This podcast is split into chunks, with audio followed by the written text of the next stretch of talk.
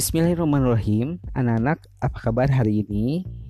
Ya mudah-mudahan baik-baik ya Hari ini dalam keadaan sehat walafiat Anak-anak ketemu lagi dengan Pak Sodik Hari ini kita akan belajar mengenai tema satu. ah, Apa itu judul tema satu? Ya, tema satu mengenai selamatkan makhluk hidup Nah subtemanya apa yang pertama? Ya betul tentang tumbuhan sahabatku. Jadi tumbuhan itu salah satu sahabat juga bagi kita semua ya, bagi kita sebagai manusia. Pembelajaran pertama kita akan belajar mengenai pengertian teks laporan hasil pengamatan. Ya mungkin anak-anak kemarin pernah mengamati Oh, coba yang kemarin, ya, yang kemarin kita family gathering di Balong ya, nah, dapat mengamati kolam. Nah, di kolam itu ada apanya? Ya, ada ikannya, terus ada tumbuhannya, ya, dan banyak lagi. Nah, itu salah satu uh, kegiatan pengamatan. Nah, kita akan belajar mengenai pengertian dari teks laporan hasil pengamatan. Teks laporan hasil pengamatan adalah teks yang berisi informasi berdasarkan pengamatan yang sudah dilakukan. Misalnya, pengamatan tentang perkembangan hewan, tumbuhan, atau keadaan lingkungan sekitar. Secara umum, teks laporan hasil pengamatan berisi yang pertama, nah, informasi umum, yaitu informasi yang disajikan secara menyeluruh. Yang kedua, kumpulan fakta-fakta atau bukti-bukti nyata yang dapat kita bisa lihat. Dan yang ketiga, simpulan. Dalam teks laporan hasil pengamatan juga terdapat ide pokok. Ide pokok adalah gagasan utama atau masalah yang dibahas dalam suatu paragraf. Pada umumnya, dalam satu paragraf terdapat satu ide pokok. Perhatikan contoh berikut. Selain nasi dan jagung sebagai makanan pokok masyarakat Indonesia, terdapat pula singkong. Singkong termasuk tanaman umbi-umbian. Pada tanaman singkong, bagian yang dijadikan makanan pokok adalah umbi akar.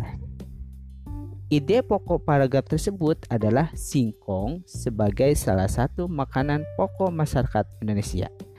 Nah, itu ya anak-anak ya. Nah, dalam satu paragraf ada berapa ide pokok pikiran? Ya, ada satu ide pokok pikiran. Nah, itu pengertian tentang teks laporan hasil pengamatan. Silakan anak-anak buka modulnya. Nah, di muatan bahasa Indonesia ada kegiatan Ayo Berlatih. Dalam kegiatan ini, anak-anak diharapkan dapat menjawab pertanyaan tentang isi teks laporan hasil pengamatan. Yang kedua, anak-anak diharapkan juga dapat menuliskan ide pokok. Ya sudah belajar ya kemarin di kelas 5. Nah, di kelas 6 kita belajar lagi bagaimana menentukan atau mencari ide pokok pikiran. Oke, sampai di sini dulu ya. Sampai ketemu besok pagi. Wassalamualaikum warahmatullahi wabarakatuh.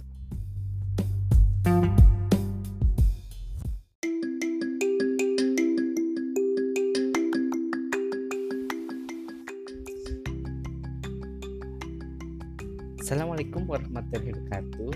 Apa kabar anak-anak? Selamat pagi. Ya, mudah-mudahan pagi ini sehat semua ya. Nah, bagaimana kemarin tugasnya? Gampang kan? Ya, gampang ya. Ya, kemarin kita belajar tentang uh, teks laporan teks hasil pengamatan ya. Jadi bagaimana melaporkan sebuah teks hasil dari pengamatan suatu peristiwa atau suatu keadaan. Hari ini kita akan belajar lanjut ke muatan IPA masih tema satu. Apa tema satu itu? Ya betul, selamatkan makhluk hidup. Ya, muatan IPA ini kita akan membahas mengenai perkembangbiakan tumbuhan secara generatif. Nah, anak-anak sudah tahu ya bahwa salah satu cara untuk menghasilkan keturunan atau memperbanyak tumbuhan yaitu dengan cara ya salah satunya dengan cara generatif.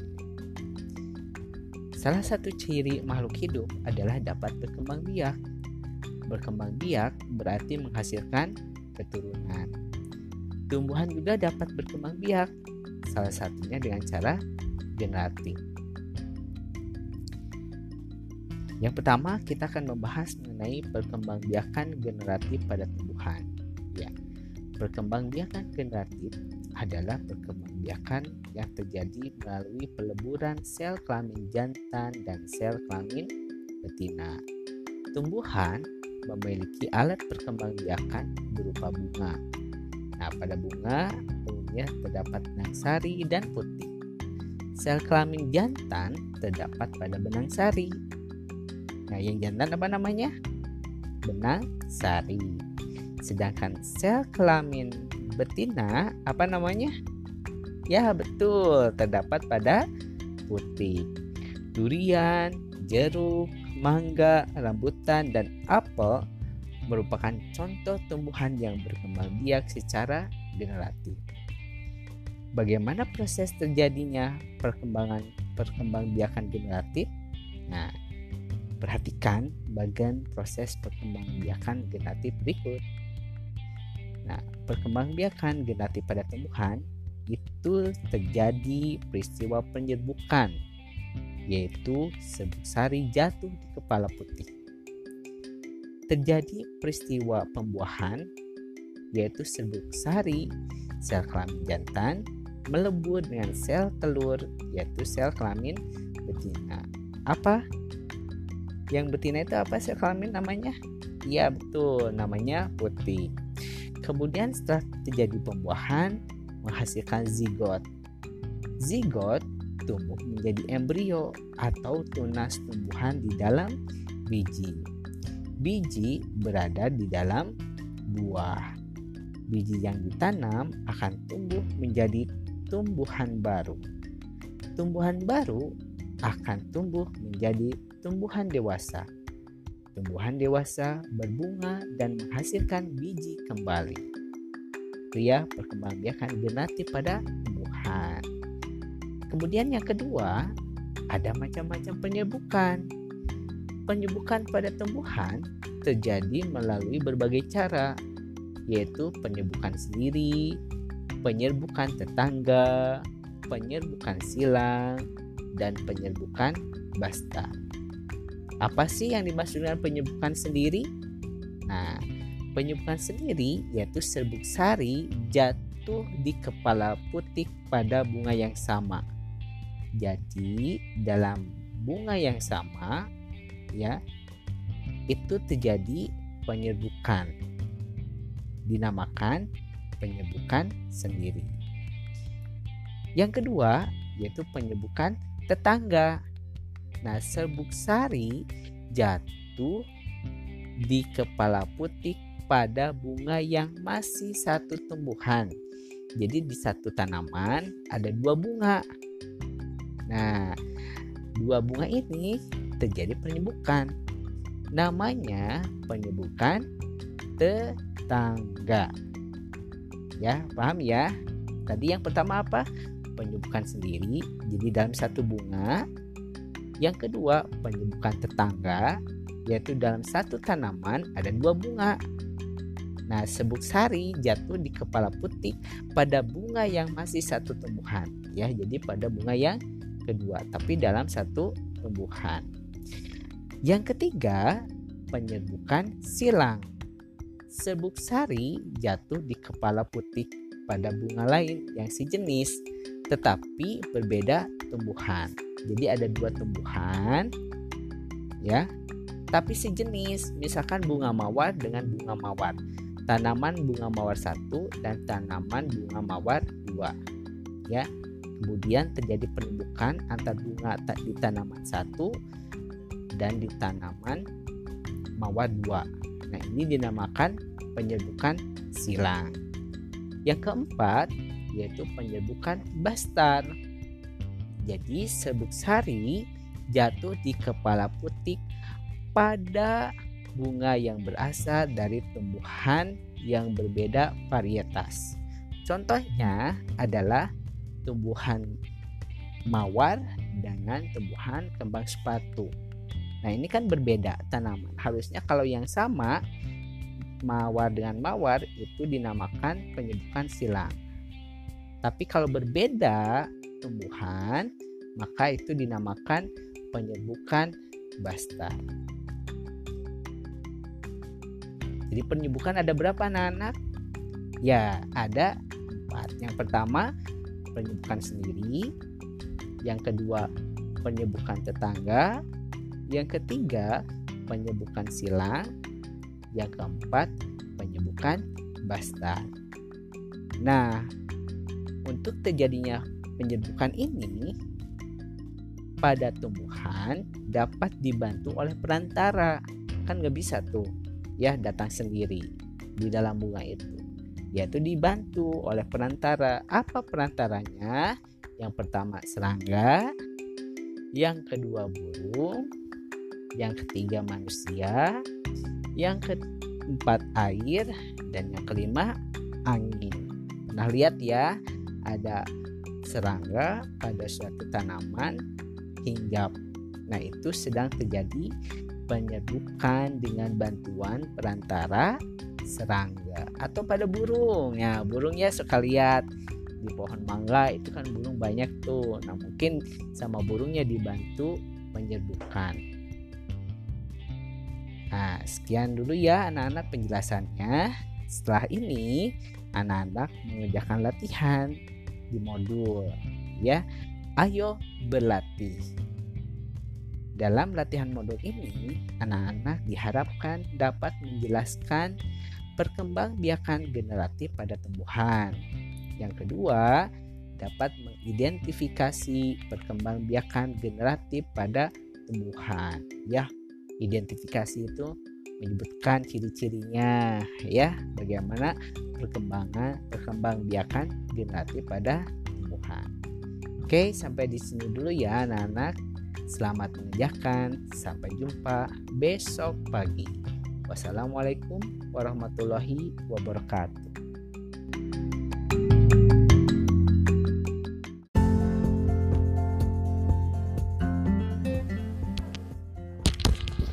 Bismillahirrahmanirrahim Assalamualaikum warahmatullahi wabarakatuh Apa kabar anak-anak pagi ini? Baik ya, mudah-mudahan pagi ini dalam keadaan sehat walafiat.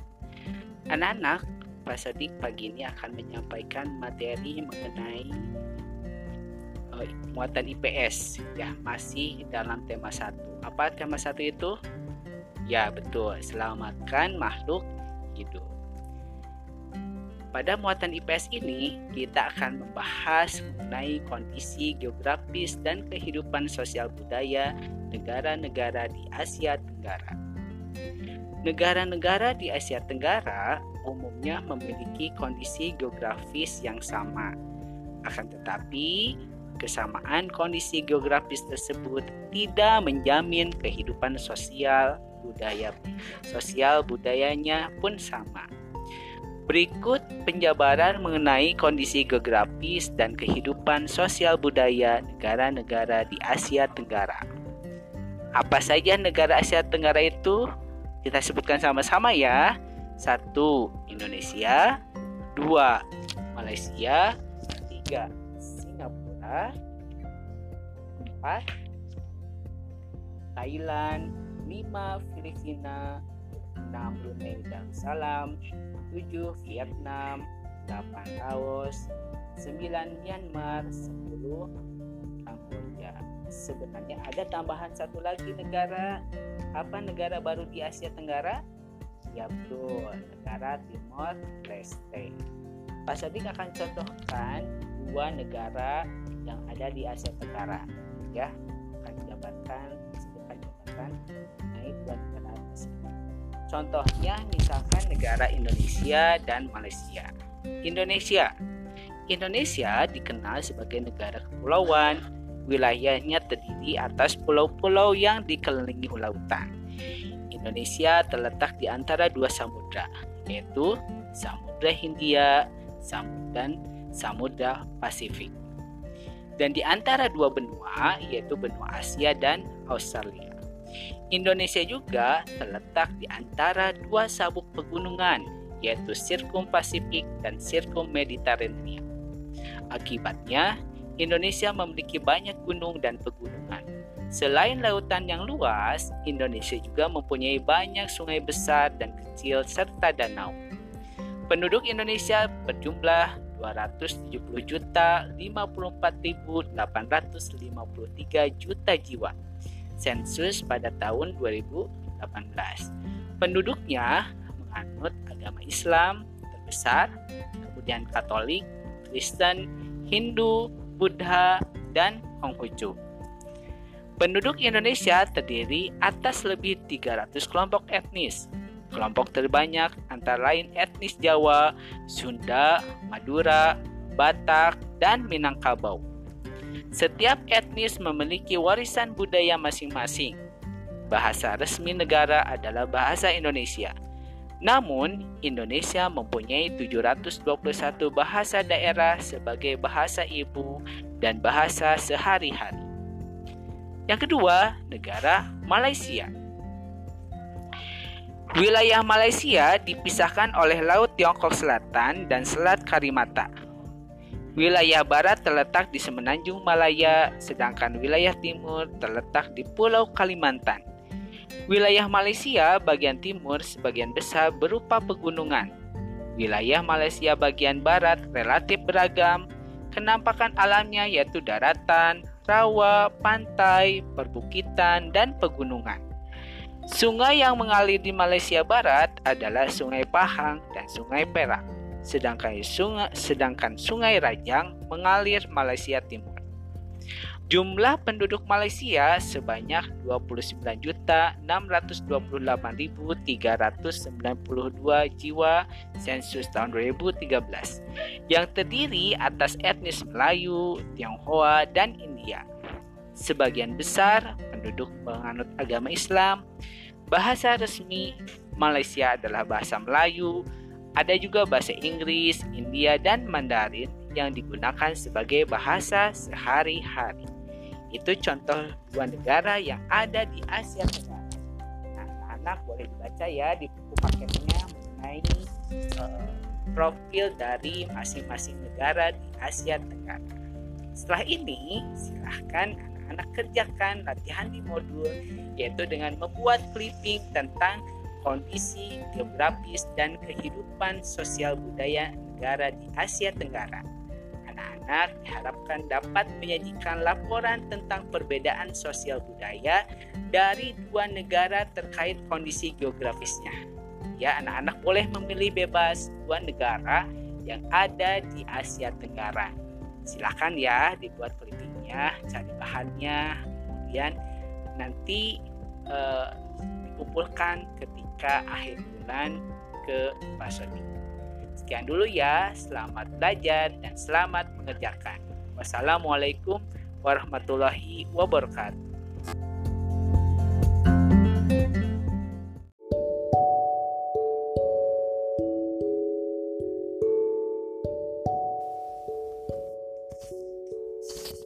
Bismillahirrahmanirrahim. Halo anak-anak, apa kabar hari ini? Alhamdulillah ya, mudah-mudahan hari ini tetap sehat dan dalam keadaan yang baik-baik saja. Nah, minggu ini kita masuk ke pekan ketiga atau pekan terakhir di bulan Juni. Juli ya, di bulan Juli. Nah, untuk materi kali ini kita akan mempelajari muatan SBDP ya dengan temanya masih tema satu yaitu apa tema satu ya betul selamatkan makhluk hidup. Baik kita akan mulai ya. Mengenal karya seni patung. Karya seni rupa terdiri atas karya seni dua dimensi dan tiga dimensi. Contoh karya dua dimensi yaitu lukisan dan kain batik. Contoh karya seni tiga dimensi adalah patung. Patung memiliki panjang, lebar, dan tinggi, serta dapat dilihat dari segala arah. Patung adalah karya seni tiga dimensi yang meniru bentuk manusia, hewan, tumbuhan, ataupun benda yang dibuat menggunakan teknik tertentu. Seni patung juga diartikan sebagai seni bentuk karena bentuk-bentuk patung yang memiliki nilai keindahan. Ada beberapa fungsi patung di antaranya sebagai berikut.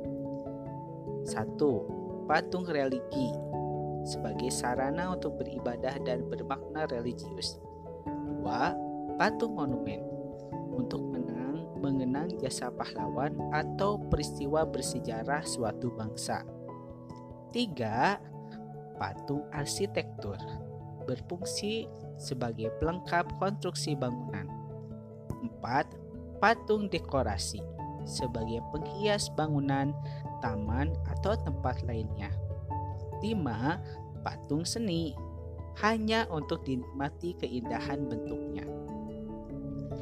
Berdasarkan bentuknya, patung dibagi menjadi dua jenis, yaitu bentuk figuratif dan non-figuratif. Bentuk figuratif adalah bentuk patung yang realis, seperti bentuk alam yang meliputi bentuk manusia, hewan, dan tumbuhan. Patung ini nyata dalam bentuk perwujudannya. Bentuk non-figuratif adalah bentuk patung yang terlepas dari bentuk alam atau bentuknya abstrak, seperti menampilkan bentuk garis, lengkungan, bulat, atau memanjang. Nah, anak-anak itu ya mengenal karya seni patung. Selanjutnya, anak-anak mengerjakan latihannya di modul Ayo Berlatih. Anak-anak diharapkan dapat menjelaskan karya seni patung, membuat karya seni patung sederhana dengan bahan plastisin. Oke ya, selamat mengerjakan dan sampai jumpa besok pagi. Wassalamualaikum warahmatullahi wabarakatuh.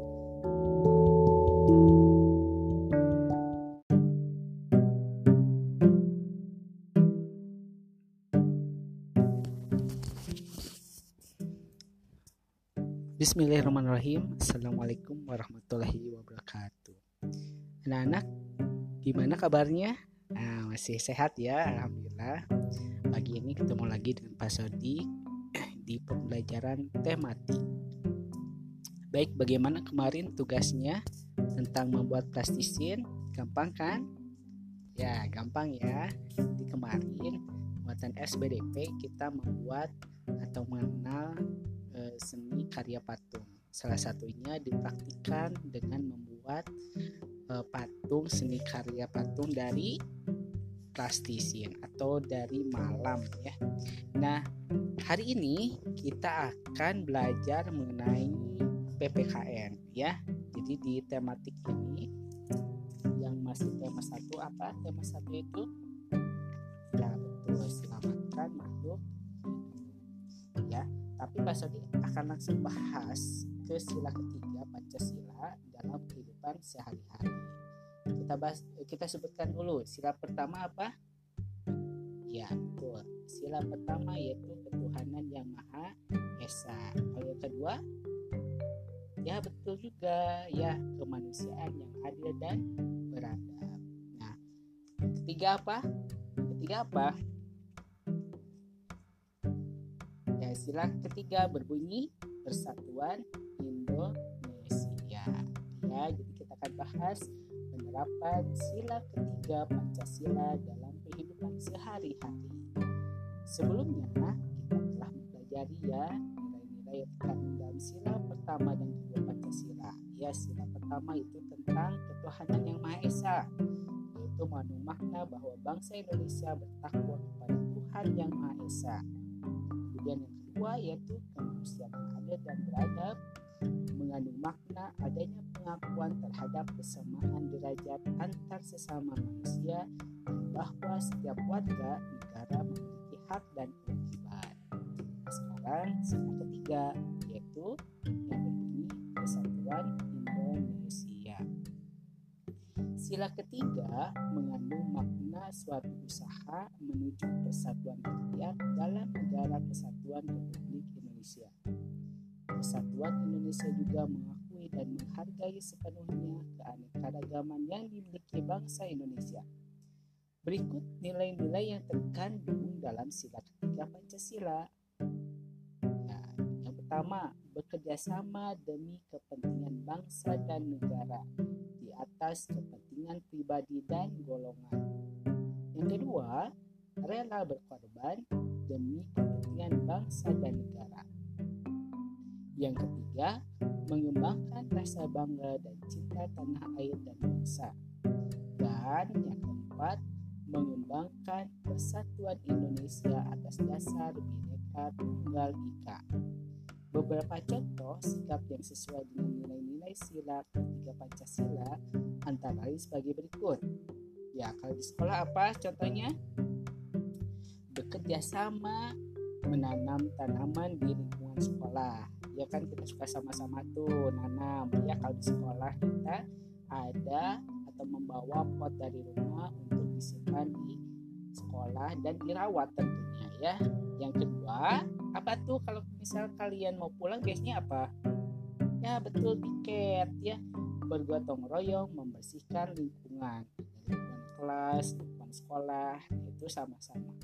Piket termasuk salah satu penerapan sila ketiga dalam kehidupan sehari-hari. Dan apalagi kalau di rumah apa? yang punya kebun biasanya apa halamannya? Ya betul, merawat tanaman bersama keluarga. Nah contoh sikap yang sesuai dengan nilai-nilai sila ketiga Pancasila. Nah anak-anak setelah ini kerjakan latihannya ya di Ayo Berlatih. Anak-anak diharapkan dapat menjelaskan makna sila ketiga Pancasila kemudian dapat menceritakan sikap yang sesuai dengan pengamalan sila ketiga Pancasila. Silakan ya kerjakan modul dengan apa? Ya dengan ada tuh ada tulisan ayo berlatih. Ya ada soal.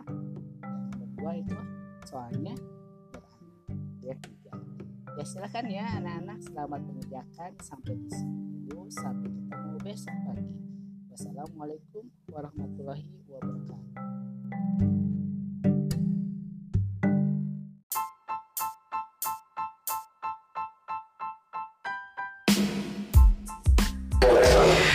Bismillahirrahmanirrahim Assalamualaikum anak-anak Kabar hari ini Baik ya Mudah-mudahan hari ini anak-anak masih dalam keadaan sehat walafiat Nah anak-anak untuk besok Nah, besok itu kita libur. Ya, ada apa libur? Ya, betul. Besok ada saum Arafah. Ya, tapi tetap uh, latihannya silakan dikerjakan, tapi Pak Sadi nggak akan bimbing karena besok sudah libur ya. Jadi tugas yang pertama yaitu hanya mengerjakan latihan saja di modul. Yang terakhir kan yang pas tadi itu ada yang hot high order thinking skill. Nah itu tinggal dikerjakan satu lagi. Kemudian jangan lupa saum arafahnya. Berarti kalau ada saum arafah apa? Iya paginya harus sahur ya. Walaupun telat misalkan karena sudah lama tidak saum lagi ya tidak sudah lama tidak saum kemudian baru ketemu saum bolehlah uh, apa saumnya dengan apa Iya dengan air segelas ya. Ya nanti lapar dong pak. Ya itu risiko dong. Kenapa nggak makan yang berat ya?